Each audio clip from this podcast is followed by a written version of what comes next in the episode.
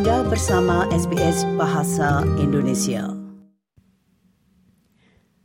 Tidak seperti di beberapa negara lain, warga Australia tidak membayar pajak warisan atas aset yang mereka warisi. Meski begitu, pendengar, diberlakukan undang-undang warisan yang ketat. Dan dengan lebih dari 50 persen warga Australia meninggal tanpa ada surat wasiat, pengadilan sering kali melakukan intervensi. Berikut ini satu rangkuman khusus Australia Explained yang disusun oleh Melissa Compagnoni. Ketika seseorang meninggal, mereka dapat meninggalkan aset yang diwariskan kepada kerabat atau teman. Ini dikenal sebagai harta almarhum atau deceased estate, dan mereka yang menerimanya menjadi penerima warisan. Melissa Reynolds, Eksekutif General Manager dari Trustee Services untuk State Trustees Victoria, menjelaskan jenis-jenis aset yang bisa diwariskan seseorang. Assets can be things of commercial value like houses or bank accounts, cars, shares or household contents.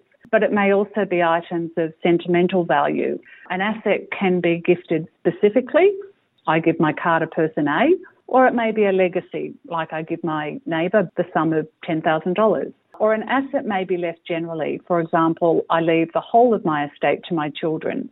Warisan ini menjadi lebih sederhana pengurusannya ketika seseorang telah menyiapkan surat wasiat yang menguraikan bagaimana ia ingin hartanya dibagikan setelah ia meninggal dunia. Dalam surat wasiat, satu badan hukum yang dikenal sebagai pelaksana atau eksekutor ini ditunjuk untuk bertindak sebagai wali amanat. Tanggung jawab eksekutor adalah melaksanakan keinginan almarhum dan memastikan bahwa semua kewajiban ini terpenuhi. Pelaksana ini juga bisa menjadi penerima warisan. Florante Abad yang telah berpraktik hukum di Filipina dan juga Australia mengatakan bahwa dalam kasus di mana tidak ada pelaksana yang ditunjuk, pengadilan bisa jadi ikut campur tangan. If there is no appointment in the will for executor, then the Supreme Court will appoint the applicant who seeks to apply for that grant, and that applicant is called a trustee or administrator. The executor is a trustee appointed in the will, and the administrator is a trustee appointed by the court but not in the will. Jika Anda telah ditunjuk sebagai eksekutor tetapi merasa tidak dapat mengelola mandat ini, Anda dapat memberi wewenang kepada state trustee atau wali negara bagian untuk bertindak mewakili Anda. Instansi pemerintah ini membantu masyarakat dengan urusan akhir hayat. Pihak pelaksana harus menghubungi penerima warisan dan mengajukan probate atau surat pengesahan. Melissa Reynolds menjelaskan berikut ini. Probate is a court order and it proves that the will is valid and it permits the executor to administer the estate.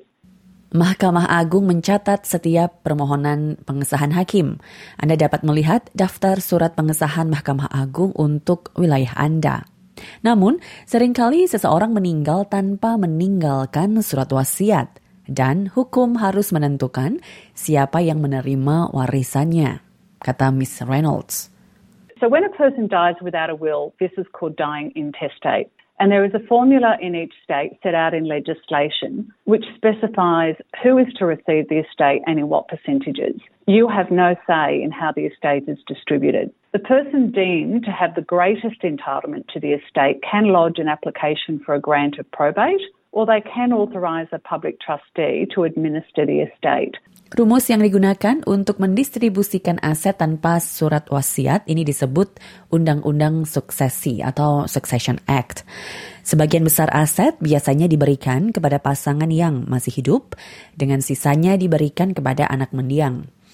Undang-Undang Suksesi New South Wales misalnya mencantumkan kerabat dalam urutan tertentu, ungkap Mr. Abad. If there is a spouse or a de facto partner, and there is no children, all of it will go to the partner. In the absence of a partner or children, then it will go to the parents. If there are no parents, it will go to the collateral relatives like the uncle, aunties. If there are none, then the grandparents. Then if there are none, then grandchildren. And then if there is really nobody, then it will go to the state. Untungnya pendengar, di Australia kita tidak membayar pajak warisan. Namun, ada kewajiban finansial yang harus diperhatikan.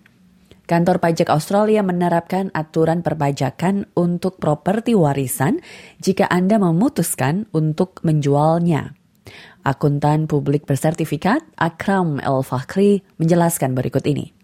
There's no tax consequences to the deceased estate if it was the deceased residential house. But if there was two properties and one was rented out, the residential property is tax free, but the investment property would attract capital gains tax. CGT atau pajak eh, pertambahan modal ini berlaku saat Anda menjual properti investasi yang dibeli setelah tahun 1985. Mr. Al Fakri mengatakan, saran yang umum diberikan adalah menyerahkan properti kepada penerima warisan terlebih dahulu daripada menjualnya langsung. Bahkan jika rencananya adalah untuk membagi aset di antara anggota keluarga. Hal ini dikarenakan adanya periode bebas pajak untuk properti tempat tinggal. You've got a two-year window to sell without incurring capital gains tax if you're a beneficiary. But if the beneficiary uses it as their principal place of residence, then that will carry forward. Like the deceased had it as a residence, the beneficiary has it as a residence, and even if you exceed the two year period, it'll be tax free because it was never used for income producing purposes. Rekening bank juga diwariskan. Oleh karena itu, penting untuk menyatakan bunga bank apa pun dalam pengembalian pajak Anda. Jika harta warisan ini mencakup saham, dan saham ini dikonversikan menjadi uang tunai dan dibagi di antara para penerima warisan, Anda juga akan membayar pajak pertambahan modal CGT. Mr. Al Fakri mengatakan, jika Anda mewarisi properti di luar negeri, maka periode bebas pajak akan berlaku. For example, if it was a place in Europe, it was sold within that two year period and then the money comes to Australia, it's declared and it falls into the Australian rules and, and it becomes tax free. The only problem would be that if there are peculiar tax laws in the particular country that it was sold in, then perhaps the transaction would be caught by the tax regime of the country it was sold in. Aturan CGT khusus berlaku jika penerima warisan bukanlah berstatus penduduk. Jadi lebih baik Anda mencari saran profesional. Tetapi bagaimana jika tidak ada surat wasiat? Atau jika Anda yakin Anda berhak atas warisan tetapi nama Anda tidak termasuk dalam surat wasiat?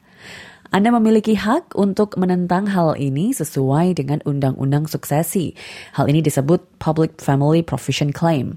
Florante Abad mengatakan Mahkamah Agung bahkan dapat mengubah surat wasiat. You just have to make a justified claim. You cannot be entitled just because you're a former wife or a son or a daughter. You need to establish the financial connection and how you are being deprived because this is died and there is no adequate provisions being provided to you under the will. So there is no hard and fast rule, but uh, the Supreme Court will take into account the circumstances surrounding your claim.